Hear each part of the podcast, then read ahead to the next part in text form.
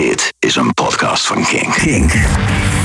No alternative. Hoi en welkom bij een nieuwe aflevering van Release Rundown. De interviews die je hoort in Release Rundown zijn vaak eh, al lang opgenomen voordat ze op de radio worden uitgezonden. Het is een beetje inside geneuzel allemaal, maar vaak is een artiest voor een show beschikbaar voor interviews. Maar is het album waar we het dan over kunnen hebben nog niet uitgebracht. En dan blijft een gesprek dus best wel lang op de plank liggen. Maar deze aflevering is daarin een uitzondering. Want in deze aflevering zijn de mannen van de Amazons de gasten in Release Rundown. En ze waren hier gewoon vorige week nog, dus het gesprek heeft helemaal niet zo lang hoeven liggen. Even een korte intro, uh, mocht je de Amazons nog niet kennen. Ze zijn een Britse rockband uit Engeland. In 2017 brachten ze hun debuutalbum uit en haalden daarmee verschillende lijsten van artiesten om in de smiesjes te houden. Waaronder een nominatie voor de Sound of 2017 van BBC. Inmiddels heeft de band best wel hard gewerkt aan hun tweede album, Future Dust. Dat is een paar maanden geleden uitgekomen. En dat is een album waarin soms meer diepgang wordt opgezocht. Waar soms wat meer rock en roll wordt opgezocht. En um, waarmee ze streven een betere band te worden. Zoals ze zeggen, niet de beste, maar wel een betere. Ik zou zeggen, oordeel het vooral zelf. Je hoort Matt, Chris, Joe en Elliot over de totstandkoming van hun tweede album Future Dust. Release rundown. So we're talking about Future Dust, you guys' second album. Mm-hmm. Is there a way to summarize it? Uh, there is a way to summarize it. um, okay. Um, it's Now- really, now it's really easy. Uh, second album, um, and uh, written over an intense period of 2018. Uh, lyrically and really sonically, it was all created in that year. Um, we just come off tour of the first album. And we needed to do something a little bit more drastic to kind of get ourselves back in the groove of writing and recording. So we went to, sorry, we went to uh, Three Cliffs Bay, a place in Wales, and had our own house there called Treetops. And we bonded over um, a shared love of rock and roll. And um, there was a lot of like discovery in terms of the roots of rock and roll and stuff. We try and let that inform us as much as possible on this album. This album really was to us just a real, um, just m- make rock and roll because we love it and it's fun, rather than uh, worry about whether it's relevant or not. I read that you guys turned off your phone phones for most of that process as well. Is that right? Uh, yeah. Well, well, We were forced. Our hand was forced. yeah. Basically, we didn't have any signal. Yeah. Oh, really? Yeah, I mean, otherwise we'd be all over it because we're addicted. Yeah, like everyone else. Yeah, exactly. Yeah. Yeah, I was Yeah. getting cold sweats from not being able to look at memes for Yeah, a whole exactly. period of time. The World Cup was on as well. England was doing really well. Um, how did the Netherlands do? Um, so let's go on to track number one. uh, do you guys know the track list by heart? Uh, yes. Yeah. Okay. Yeah, I think so. Well, track number one then. D- Uh, uh, Mother. Uh, yeah, yeah, yeah, I'm sure, sure. Mother uh, was the first, one of the first songs that we completed for the record, and we knew that it was probably going to be one of the first signal uh, si- singles. We knew it was going to be one of the first singles. Um, on, third time lucky. He's been chatting about Lost Signal for too long here. and we knew it was going to be one of the first singles uh, for the record. Um, and we- had the, the riff knocking around, the first riff knocking around for quite a long time, couple of years really. Yeah. And um, part of the process of like writing the record was kind of um, looking back at uh, old music uh, that we kind of created um, and seeing if there was anything to be done with it. And it was one of those ones where it made more sense at, than at the time that it was at the, it was written. And I'm just talking about the riff. It was just part of a different song, and uh, we tried it on, and we was like, "This is this is cool," and then we kind of wrote a song around it. So how does that go? Do you guys all sit around a computer and go through a hard drive of old No. music No. and like? We we did that a long time ago. Yeah, we did, But the yeah. Amazons have never done that. Mm. It's me just looking at old demos that I had on my computer, um, and then just kind of just working out. I like I I kind of do lots of like uh, prep work and then like present to the lads and You be like, all right, here's thing, here's five ideas, or like I'm gonna play you something, and then I kind of just look at their reactions because you guys never like go, mm, no, I don't like it. It's It's either always like, cool, yeah, or that's cool, nothing. or like, oh yeah, I like that. Yeah, exactly. One of Okay, two. so if Yeah. it's a high pitched cool, it's not cool. yeah, it's like a oh, it's cool. Yeah. Oh, funny joke. and then they Yeah, will okay. never bring it up ever again. Mm. But like songs that they kind of bring up that we haven't kind of finished, then I know that they like it and it would be worth going into and like exploring and making it a proper song and stuff. So Mother was one of those riffs that everyone was like, "Cool, we feel really good about the riff," and then I kind of pieced together like you know a verse and chorus and middle eight and all that kind of stuff over mm, a fair amount of time. It's hard. It can't like say, "Oh, on this day I wrote this song." It's you just kind of chip away. It's like a block of ice, and then you just carve it every now and again. Uh, no, not ice because ice melts. So, um, oh no, actually, no, no. It's a block of ice in the Antarctic, so you can kind of. Yeah. It's an optimistic thought, but let's keep with that. Yes, yeah. All right, so that's track number one, Mother.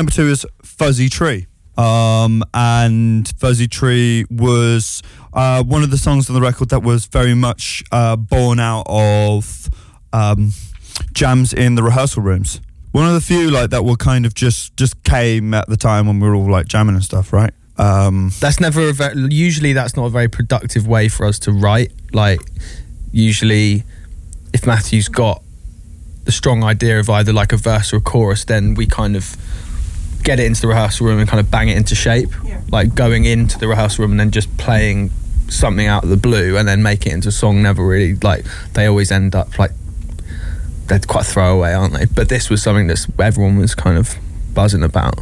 Well, we pieced together like that over a couple of sessions. Um, just a couple of like rehearsals and stuff. Kind of come back to it and, and finished it. And the thing about Fuzzy Tree is that it was just one of those songs where like the title means nothing. I think I would just I was in a like a moment where I'd like eat loads of broccoli and in the practice room and they hated it and the boys could have said it was Fuzzy Tree or something like that. Yeah, it's a lyric in an Elvis Presley song as well. All shook up. Tenuous link. That might be. Very tenuous link. Um, What we're saying is we're as good as Elvis Presley. so- Yeah, yeah. There's your headline. And uh, oh, And is it lyrically as as um, Oh, big as broccoli? yeah, Or- definitely. Okay. Um, it's one of those ones where you just kind of splurge out the lyrics and you just kind of like get them out and then and then kind of then you piece together some meaning and then and then you finish it. Mm. Do you know what I mean? Mm-hmm. It's kind of just very um, the the thing about the thing about Fuzzy Tree was that it's um, like a real um, instinct song. There's a couple of instinct songs on the record, and then there's a lot a lot more like more considered songs. Fuzzy Tree is an instinct song, and I like it when rock and roll doesn't actually need to mean anything.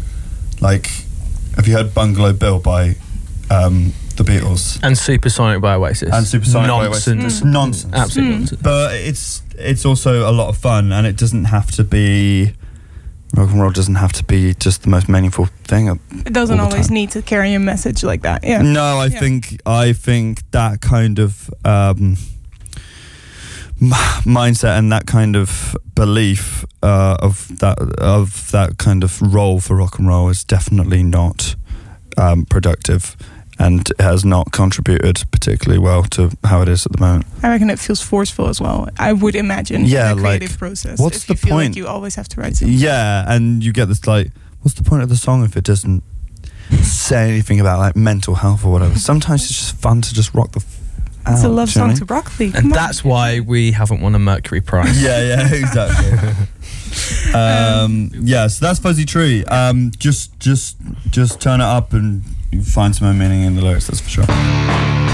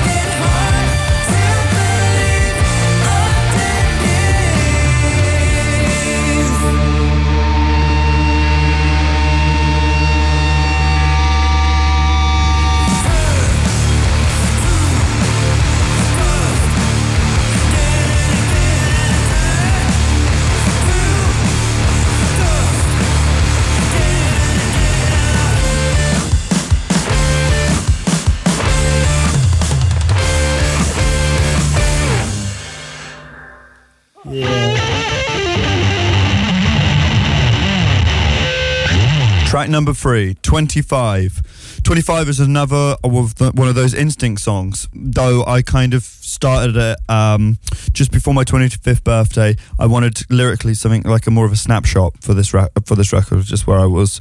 And um, it started off as this kind of like quiet little Dylan esque, kind of folky, dark thing with the chord progression and the kind of um, repeated lyrics, not yet 25 and that was what was underpinning the entire song for most of the time.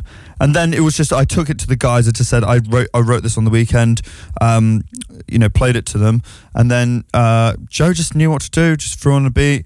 Um, the first kind of big thing that um, Chris wrote ended up on the record. The kind of lick after the little solo after the first chorus, um, and Elliot like just knew what to do with the bass and yeah, it just it just kind of came together so easily and so quickly, and uh, it's got a real energy that I think we captured in the recording, and that um, we carried on. I think when we play it live, we have so much fun playing it live. I have a question about this one live, but I'll come to it later because Sure. it reprises on the album Yes. as well. Um, but this one, you call it an instinct song, but it's one that does carry a bit more meaning, perhaps, than Fuzzy Tree, right? Yeah, sure. I guess instinct in the way we arranged it. Um, lyrically, I wanted to. Yeah, there was a lot more considered, and uh, there's a lot of kind of um, angles that I can put on 25, which kind of I can take different things from it in whatever kind of mood I'm in. Sometimes I feel like it's more of like a empowering kind of um, protesty kind of vibe, um, especially the line. Um, no, actually, the first verse. Uh, well, the lyrics. Um, not yet 25. They'll be kicking down the doors. Too loud to be ignored.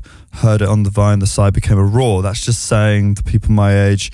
Um, you know, they uh, they want their voice to be heard and all the kind of stuff that's been happening um, in terms of like um, in terms of like the climate change uh, movement and um, over in the states with their uh, the kind of uh, the gun thing going on. You just seen and in even in the UK. Um, a lot of mobilization from uh, like people our age and younger who don't feel represented and stuff. So I wanted to acknowledge that and then on and then other times then it's just it's, uh, um, another angle for uh, for 25 lyrically for me is just kind of expressing the uncertainty um, about the uncertainty about being uh, in my mid 20s and kind of working out what kind of person I am. I think that's actually way more of a thing than you know when you're a teenager it's all about working out who you are but I still feel like that may be more the case um, in your mid 20s because uh, or even in your 20s generally because you're an adult now so you should have it sorted. But then you're like there's pressure because you're like I don't feel like I do. I don't know what to believe don't know who to listen to. Or are we listening to you know um, the newsreaders or that guy on social media? Do you know what I mean? I don't know who I you know there's so many there's so we're just like bombarded with so many different sources of information. It's like who do you trust? And what do I actually believe Have you found an answer? no Okay, I was looking for one. Okay. no no that's the thing That's There the are thing. there are no no answers Okay, which on is that. much more interesting I think Yeah, it's true. And and you, and you made a good song out of it, so that's nice. Thank you. Yeah. So this is 25.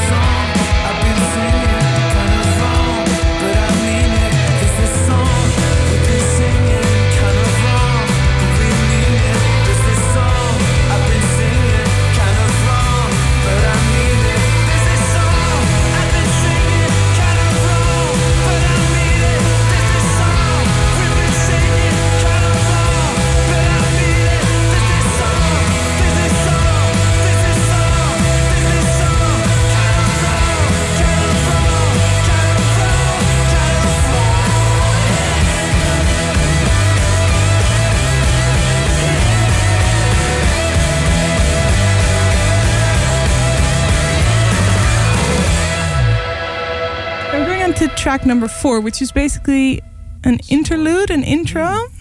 The mire. Yeah, that was a pain in the booty to record. How so? Chris's yeah. idea. Uh, I went to go and see uh, a band called Unloved. hmm It's um, kind of the brainchild of a producer called David Holmes, Mm.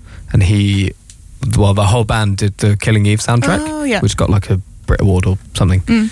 Um, I went to go see them live, and they just did like loads of really cool sampling, and they had some cool synths, and there was like a a whole drum solo where the guy played with the like what are those fluffy things called? Mallets. Sure, mallets.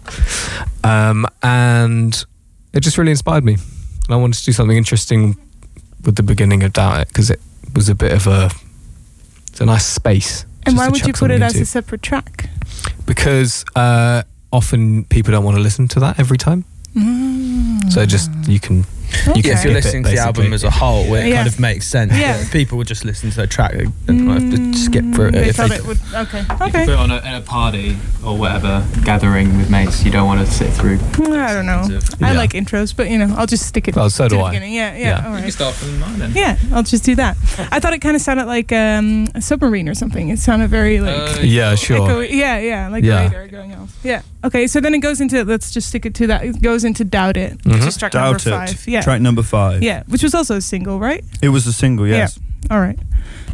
Uh, Doubt It came together through our desire um, with this record that we were going to um, explore and try and do more groove based stuff than like we felt like the first record was a bit like uh, just a bit thrashy and a bit. I mean, there's an energy to it, but it's just kind of all over the place. And we actually felt like the best bands are the bands who have found a groove, whether it's the Queens of the Stone Age or Fleetwood Mac. Yeah, I would definitely say Fleetwood Mac, and I would definitely say the Rolling Stones. That's a band with a groove, and like the Red Hot Chili Peppers, they've just got it. And we were looking for that. I think you know w- when we were writing this album, making this album, it was never about like how big can we get and how you know how successful commercially can it get and all that kind of stuff. It was like how good a band can we be? You know I mean? Because honestly, I feel like the best band you can be, and everything else just sorts itself out. And uh, that's what we were looking for. And um, so that's that explains the kind of um, the the grooviness and we of Doubt It and in terms of its arrangement and how we felt that was something slightly different.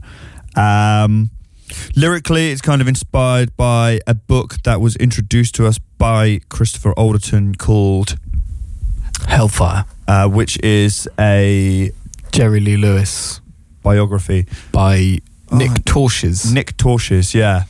I think someone, I think some kind of critics have uh, called it like one of the best rock and roll. That's that's the opening. So there's a, like a prelude to the book, and it's the opening line. The first thing you read in the book is uh, "Hellfire is the best rock and roll novel of all time." Mm. Full stop. And I actually would say it's really It is very good. good. It's How does it very good. compare to the Nick Kent one? It's different. Nick Kent's apathy for the devil is like um, he's like a journalist, and he's like um, it's quite like truthful accounts.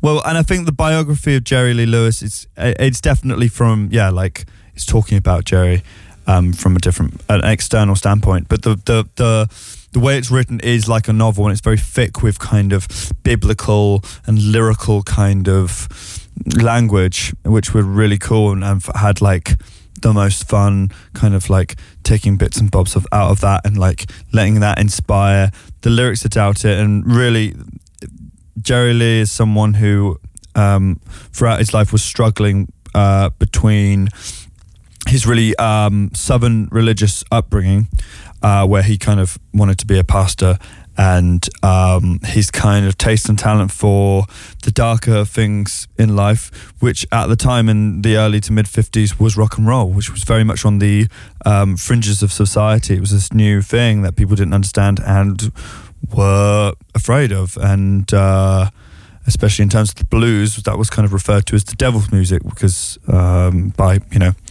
um, the kind of church community, which was like the big thing in those kind of communities. And um, so that kind of struggle between uh, what you think is right and what you should do and temptation is definitely what Doubt It is all about. Succumbing to temptation and that kind of stuff. Cool. So maybe if people do tend to turn off their phones and get like itchy fingers, they should pick up that book and have a read. Yeah, definitely. Um, it's just, I think the fuel that to the fire of rock and roll that is kind of under, totally understated is the way rock and roll's written about. I think that's the language that is involved with rock and roll. Um, that's the fuel to the fire of like its mythology. And what is rock and roll without its kind of stories and mythology? And I don't know. That's something that I think going a little bit deeper, when we were writing this record, we were really interested in that side of things because it simply doesn't exist anymore. We're in like a kind of time of 24 hour daylight. Like you, everything has light on it and stuff. And the things that kind of at least attempt to um, keep, uh, harbor some kind of mystique just get left behind and just ignored. And it just feels like it's the battle of who can shout loudest. Um, w- so um, yeah, so for that reason, we were naturally um, attracted to the kind of darker um, side of things, where there were lots of spaces for your imagination to kind of fill it up. Which is why we went to Three Cliffs Bay. It was just like a kind of crazy little place. Cool. So this is Doubt It.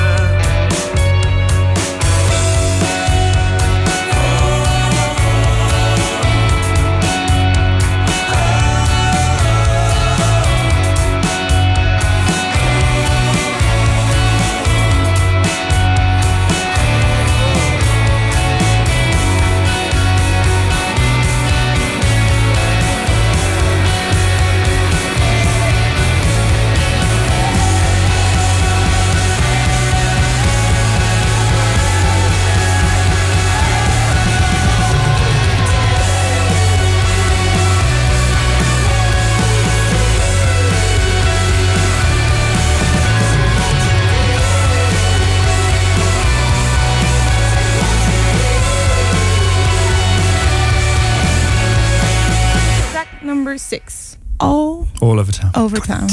I think this might have been one of my favorites, actually. Thanks. I don't know why. Maybe it stood out because it's a bit calmer than the rest. I don't know. Yeah. I, I, yeah. It's a comma. It's a pause in the record. It's a semicolon. Do you reckon it's a semicolon? No, it's more of a comma, isn't it? It's a Oh, comma. boy. So it's like It's a comma, yeah. It's not a full stop because that would that would mean the end. But yeah, a colon. It's like a oh no, a comma. Sorry. All these. all these That signs. metaphor went on for Analogies. Yeah. all these punctuation signs. Um, All right, yeah. All over town. yeah. Number six.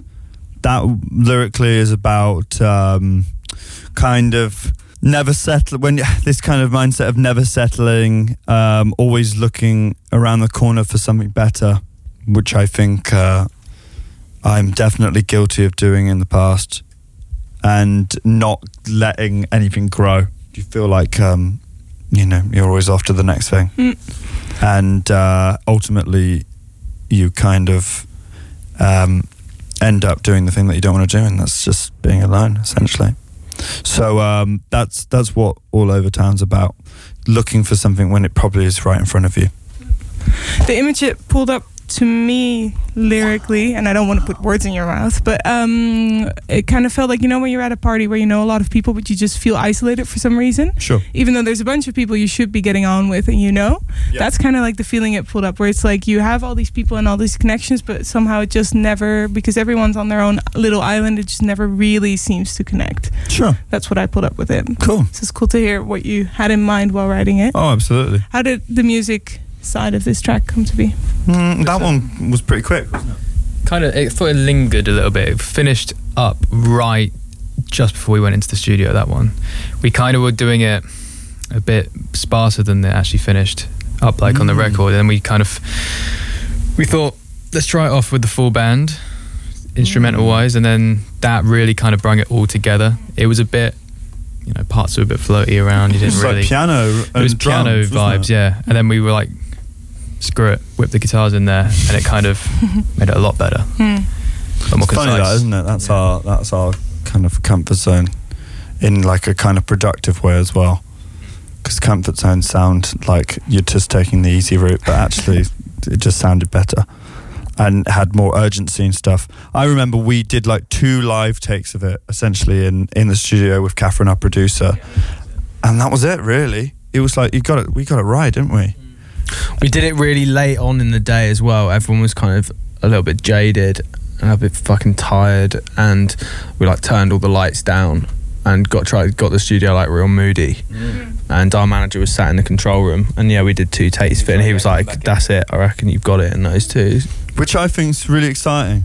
Um, For like capturing a, natural- moment. Yeah, like, yeah. For that song, Yeah, it did feel like a exactly. moment. And there's barely any overdubs on there. And actually, we made a point on this record to kind of not pack it with overdubs. I think on the first record, we just like put like 30 guitars on, just like, we did it massive. And actually, we felt um, it kind of not necessarily, probably did the opposite, really. And less is more was the uh, name of the game, wasn't it? We were um, listening to, obviously, well, we always do, always listen to Zeppelin. And, oh my God, three microphones, really? And um, when you listen to Zeppelin, they sound huge, right? Yeah. And that's just Jimmy Page. Well, we Yeah, might have one overdub on it. Yeah. He's, he's you got don't rhythm have and, like, yeah, lead. you don't have to put s- endless production on it to make it sound bigger. It actually makes it smaller and like less dynamic. It- yeah, and it does the opposite. Less is more. It's all a learning process. This recording lark, it's all a learning process. And so out of that came this track all over town. Uh, and out of that came, and it's one of my favorite ones, uh, uh, favorite tracks. I think. I can't wait to play it live. more. I was gonna say, but you guys have you're going on the tour where you're gonna play all these tracks. live, exactly. right? We're uh, we're going to be uh, in Amsterdam and Rotterdam in October, which we're really excited about.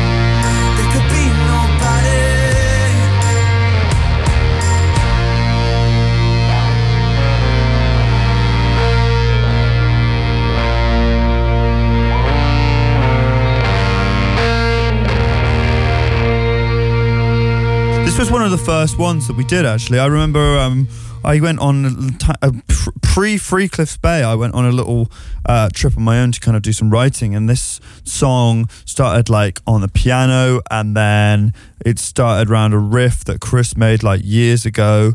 And uh, I kind of pieced together on the piano a little bit, and then was looking for a like home and a groove for it and stuff, and just kind of came up with the more kind of like staccato-y da da da da da da da da, and then just put that use that as a home for it. And that was like a real there was a real blues influence on that one, and there was a lot of um, Michael Kiwanuka. We were listening to a lot of Michael Kiwanuka, and like we had the like "Ah, wonder in the background, um, which I felt we could have more prominently. That We're is- going back to the drawing board. Oh, yeah. crap, Next album.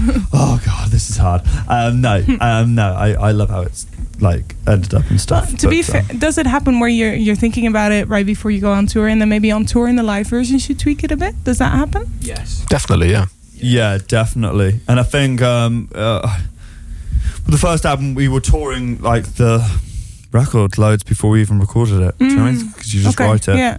We didn't have that kind of process with this album, which was a really interesting one. We couldn't really road test anything. When we were doing a, we just released a music video for 25, and when we were doing that, when you're standing there and you have to play to the track or mime to the track, um, I realized that I play that song basically completely differently live than I do actually on the record now. Just because we've sat with it for, for three Yeah, or four months, we've been playing it. Cre- yeah, you create your own like nuances and stuff, and I play different parts. I don't, and I personally always think when you go and watch a band, watching them recite the songs verbatim from a record is Yeah. fucking boring. Yeah. You want a live And I experience. like- It is boring. Yeah. It's fucking boring. I Yeah. can listen to the CD at home. Mm-hmm. So It why doesn't not? represent the band? no, it doesn't. No. And you're gonna see someone do, live like- because you want to. Yeah. You want the extra things, Yeah. the surprises, Yeah. and that kind of stuff. It makes it interesting. So What's the point of seeing a band live if it's not going to be a representation representation of where they're at? yeah, At that because moment in time. artistry yeah. isn't like it's not about it, it's it's it's beautiful because it morphs and changes because that reflects the person who makes it who everyone morphs and changes through experiences and they're not you're not supposed to be locked in like this time capsule the entire entire time. But if you're doing backing tracks that were recorded like 10 years before then you'll always be that and there's no progression. And it's boring. Fucking boring. Where do you think Picasso would be if he just kept doing lovely self portraits? yeah yeah hmm? exactly. Just let it grow. Where would he? let it Where grow would he be? Let it grow let it grow. This is gonna be stuck in my head all day. Yeah, Just that sorry. one line. sorry Okay. um, Um, where the hell so let's listen to End of Wonder now. Track number yeah kick it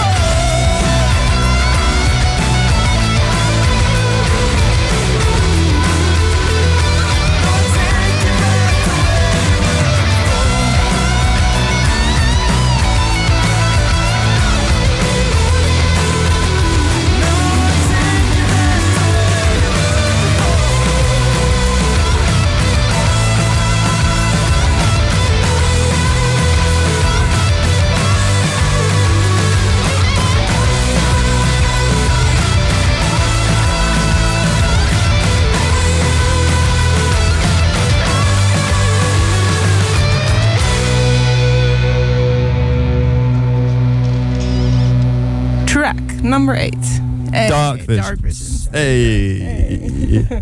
what can we say about that one? Um, Amsterdam. Yeah. On our last European tour, That's where that riff. on one of our European Really? tours. Supporting Yumi at Six of the Paradiso Which was- soundtrack. That was a European tour. That was a European tour. Yeah, one of the Um, that was a riff from yours truly, Christopher Alderson. Yours truly Um, on the guitar. We were. Uh, it was one of those like sometimes you'll just kind of hum something. I think I was in the toilet and I just hummed something, and sometimes you you hum it and you record it on your phone and then you play it on your guitar and you go, oh, that's nah. but uh, for once, Yeah. I played it on the guitar and I was like, oh, this actually sounds alright. So then in sound check, I played it to everyone, and uh, I think Joe said, "Please tell me you wrote that," and I was like, "Yeah, that was me," which was great. Yay. And then it became this song over. A, It surfaced at a Radio 1 Live Lounge cover of New Rules Oh, by yeah. Dua Lipa. Oh. So we just threw that in there Okay. um, But we because we couldn't it- write anything. We always that. wanted it to be our own song. Yes, we did. And, you know, that we were clutching at straws during that Dua Lipa thing. yeah, yeah, we were. Like, we were oh, like- God, just put it in there. And it went Worked well. Yeah. But we always wanted it to be our own song, and we were lucky enough to Hmm. Make this one out. of. Rewrote the song about Yeah. three times. Oh, that was the one was- song Yeah. that Alex, our manager, called me up and go. He goes, ah, "I'm not sure about this one. I don't think. Yeah, I think you can do better, mate." And then I rewrote it, and it was better. And then he And- did that again. No, he didn't. Oh, do it again. okay. No, he said he quite liked it. Oh, okay, good. Um, so all good. Yeah, I mean, because it's all it's all for Alex, our manager. it's all written for him. Um, and uh, yeah, that one that one is probably one of the few ones that I kind of address, like mental health and stuff. Um, just kind of having demons, and I think everyone's demons kind of um, are emboldened by the sun going down. Um, and I liked the idea of um, demons kind of like uh like like you know the demons that you have like being actual demons and like scratching at your door. Are they going to come in tonight? Are they going to invade your thoughts tonight? Or are you going to be able to get a good night's sleep? Are they under your bed? I love that kind of imagery kind of instead of it being real diary entry-esque. I'd like to kind of like use i don't know some kind of you know like creativity in any way shape or form. And um uh and like create you know yeah some imagery and stuff.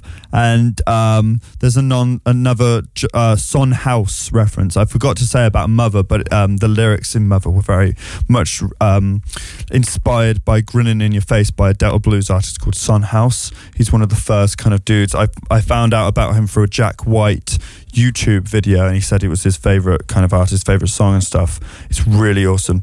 Um, it's uh, yeah, he was uh, Son House was like good friends with like some of the early dudes like Robert Johnson, who of course went like sold his soul to the devil and died Yeah. at 27. yeah. Um, and Son House was right there, and uh, he carried on recording and stuff. And uh, he's got a song called John the Revelator, um, and I kind of referenced that in the lyrics. Um, so yeah, um, yeah, Dark Visions. That's a fun one. what the lyric is? Yeah, send them in, send the Revelator. I need some thoughts that I need erasing. How many times can you? Do I have to pray? Do I have to pray?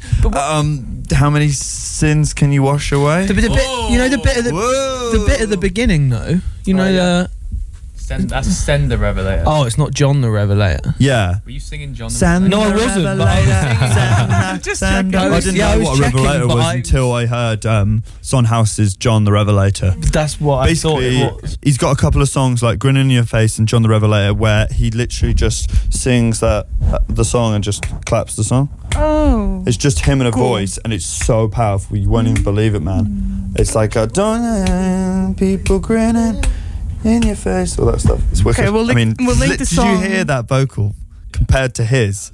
It was I'm the pretty most similar. pathetic little it was white really guy similar. in the world. So It was really simple. no, it weren't.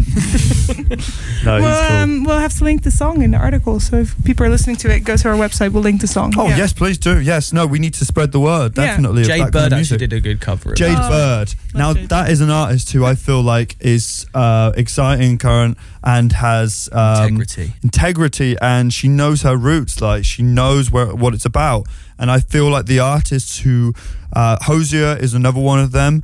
Um, I feel like artists like that who uh, have an acknowledgement, a knowledge, uh, a, a love uh, for music, um, you know, and the patterns in music and the almost the origins of music and stuff that we uh, recorded music that we listen to today, um, and kind of kind of understand that a lot, just a lot more interesting and have a lot more depth and a lot more, I don't know, reasons to listen to them. It makes these conversations interesting as well. Jade Bird was here a couple months ago doing this. so- She knows her shit. Yeah. I like Jade. I think we should um, do some stuff in the future.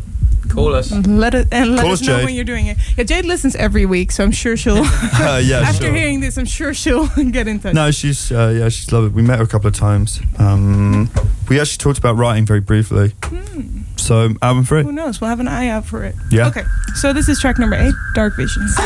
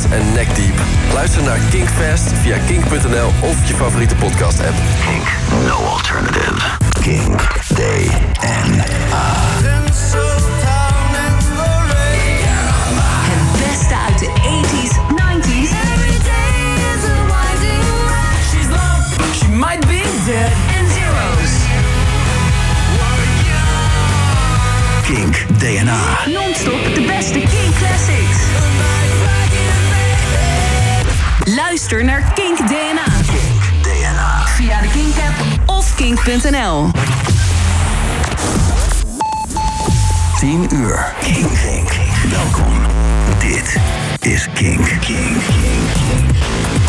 Release Rundown. Kink. No alternative. Hey, je valt midden in een aflevering van Release Rundown... waarin ik, Julia, samen met jou en een artiest... track voor track door een album heen blader. Samen ontdekken we waar tracks over gaan... hoe ze tot stand zijn gekomen... en wie precies die geweldige gitaarsolo heeft bedacht... in dat ene laatste nummer op hun laatste album.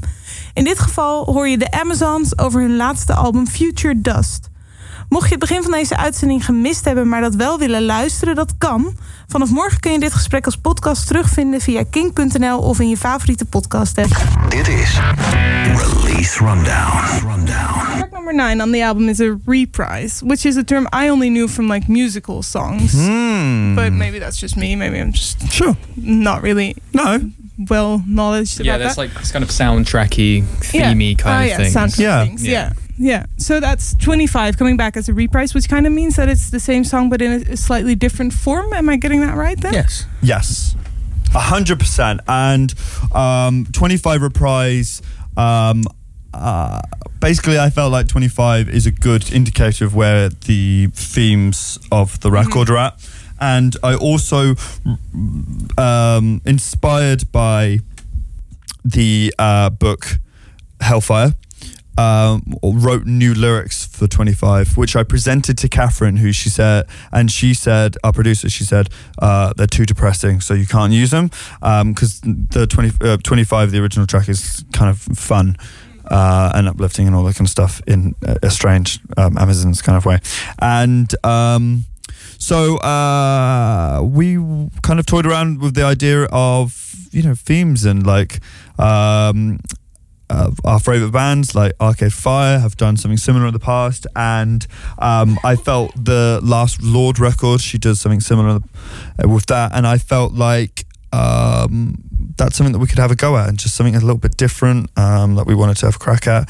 There was a lovely, uh, gorgeous uh, organ. Foot pedal, Pump foot, or- a pump, pump organ. organ. Yes, of course, uh, a pump organ at Monnow Valley Studios was where, which was where we recorded, um, and Chris was playing around on it. and It sounded amazing, and uh, Elliot played the mandolin on it, and uh, I played some acoustic guitar, and um, it just all sounded very apocalyptic uh, and very end of the world esque, and very.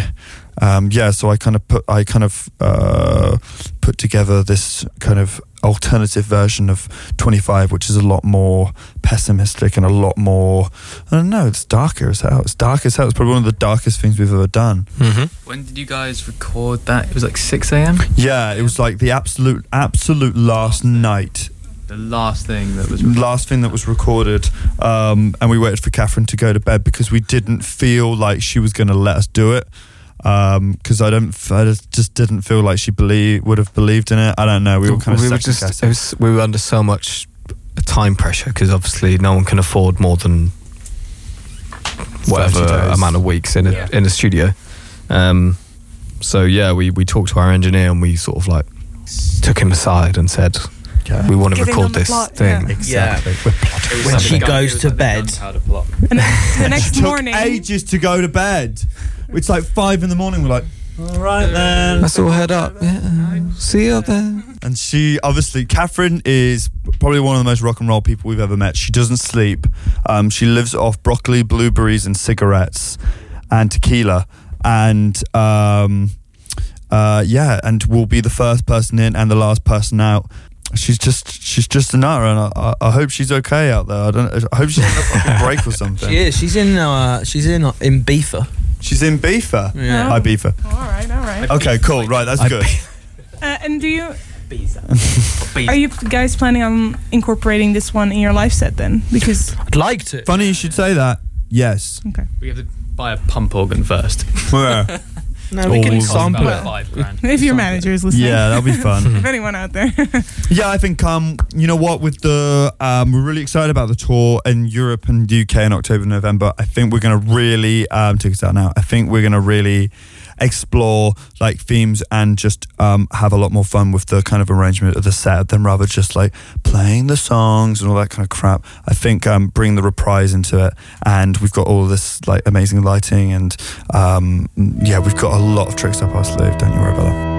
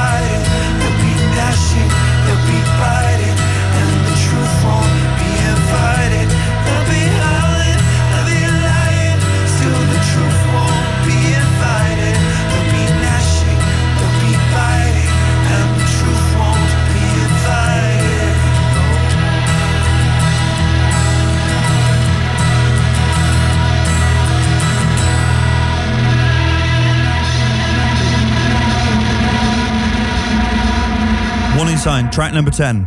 Um, that was a real late comer to the party, wasn't it, boys? Sure was, Matthew. Um, had the, oh, actually, no, it's the absolute classic Amazon song that had the riff for about two years. But I think we wrote, or you wrote that on the last day of first album. yeah, right. Recorded it in our little studio. Oh, yeah, right. Yeah. The working title of Scorpion Boobs for about two years. that yeah. paints an interesting picture. Yeah, Which okay. doesn't mean anything because they don't have Boobs. breasts. Yeah. It's more of a breastplate. breastplate. Oh, they've got breastplates. nice. But of course, scorpions are not mammals. Um, so, uh, what what interesting things can we say about? I mean, lyrically, it's kind of about um, kind of talking to someone who is a bit self-destructive and can't see it, and it's like. You know, kind of giving them evidence. Like, can you not see that this is a warning sign? Can you not see this? This is a walking sign, warning sign. Um, and uh, kind of, you've got your head buried in the sand. What's your master plan and all this kind of It stuff. felt very directed, but that's how I interpret it too. Like all the politicians out there that are kind of like yeah, sure. ostriching their way through life at this moment. Yeah, sticking their head absolutely. What I found really find really interesting with politicians is that we've got so many um, long term kind of issues at the moment, and no one is talking about it on a political level. Um, the big one being climate change. There's no one serious. It's like, who cares about Brexit? Like in the grand scheme of things, it's Mhm. just like it's a it's a deal. It's like a, a trade deal, and all- you know, obviously it's a lot more complicated and complex than that.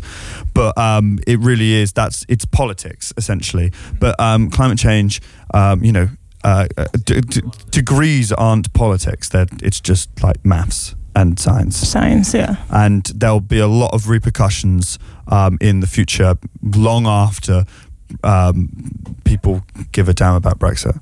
Uh, and then there's just some gnarly riff at the end, and it sounds like the end of the world. I think uh, we were trying to see how. I mean, we did it a few times in the records, just kind of going like, "Yeah, let's just put it on."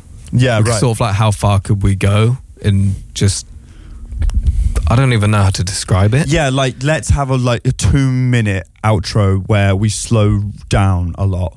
And it sort of started off as like, "Yeah, yeah, yeah, we could do that," and then actually like, "Yeah, we should do that." Yeah, yeah, hundred percent. There was a lot of that mo- those moments, weren't there? Yeah. Like, what was it? the other one in Fuzzy Tree where there's that that gap? It's just like we were sort of messing around in the studio, going like, "Oh, we should do this live," and we just thought, actually, why not? Why not put it on the record? And in Doubt It, the outro of Doubt It. Yeah. Oh God, we oh, fought yeah. tooth and nail with the label about the outro and doubt it. My God, they were like, "You've got to cut it out." We were like, And ultimately, they're probably right because it's fucking long. but it's great though, and really enjoy it. People always make Mhm. radio edits if they really need it. right? Yeah, exactly. That was our thing. You know what I mean? Like, but it's you're just so in the moment. You don't get any kind of space to hmm. like for perspective. Hmm, That's hmm. what the second album lacks in abundance. Is any kind of perspective when we were making it. It was such an intense period. Mhm. Uh, but considering that, and considering it's been out and we've had it recorded for a long time, I think it, I still love it. Yeah. Okay. All right. Then this is warning sign.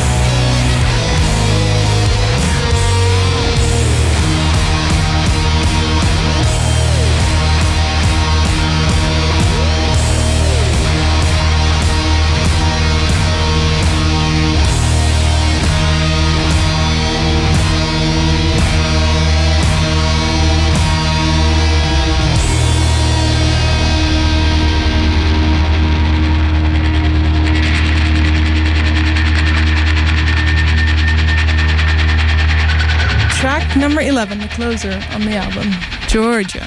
So I was writing the, uh, I you know I started with the um, the kind of first thing on the acoustic, the da, da, da, the intro, then kind of uh, kind of fleshed it out and stuff, and I wanted to I wanted a song kind of addressing uh, a female. Um, and um, it's like a it's a kind of positive song in that it's like they don't really understand how you know how much you know uh, how much uh, they can good stuff they can do and how much life there is to live and all this kind of stuff. And uh, they don't really see that they're amazing and all this kind of stuff. And um, I wanted to uh, come up with a name. I wanted like a, Yeah. so it was like Mary for a bit and all this stuff. And it was really important that it wasn't someone I knew. Mm. because it's not really about anyone that I know um, it wanted it to be nice and general And then how did you get to Georgia? uh, well th- I really loved Ray, Ray Charles Oh, okay. I Yeah. love Ray Charles. Yeah. He's like a real uh, in the last year or so. You know, every, he's like you know, hit the road, Jack, and you know, like um, Hallelujah, I love her so, and all this stuff. You you kind of know it, but then I really delved into it. He's just got such a special voice, and he's a he's an artist that I associate with a time before. I don't know where people they lived kind of tough lives. You can hear the Mhm. struggle in his Yeah. voice. It's, it's Yeah. there's a real oafiness to it and a real like rawness to it. Yeah, Yeah. exactly. And um, yeah, Georgia on my mind. It's a wicked song, and I thought Georgia, that's kind of nice. Um, it's funny actually. There's been a couple of songs about Georgia, the state. I've never been. Atlanta is in Georgia, isn't it? I'd like to go to Georgia. If you ever go there, definitely play this one. Yeah, exactly. um, so uh, yeah, that's where it came from, and uh, I I think we wanted this really, uh, and the lyrics, even though they they're kind of positive, they can be a little bit raw at times in this song and a little bit brutal. And I wanted to juxtapose, juxtapose, wanted to contrast those kind of raw and brutal, kind of grounded lyrics that are you know based on personal experience, unfortunately. And I wanted to uh, contrast that with like this kind of lush, like seventies West Coast, uh, Fleetwood Mac, Eagles esque instrumentation. And everyone's like, you know, it sounds like Hotel California. It's like, yeah, we do. We love that song. Great. Yeah. Like, what more can you say about Yeah, it? what can you say? Like, don't care. We did it on purpose. It's not like, oh, really? I can't believe it. Yeah, Yeah, that's true. Exactly. It's fun. That's the main thing.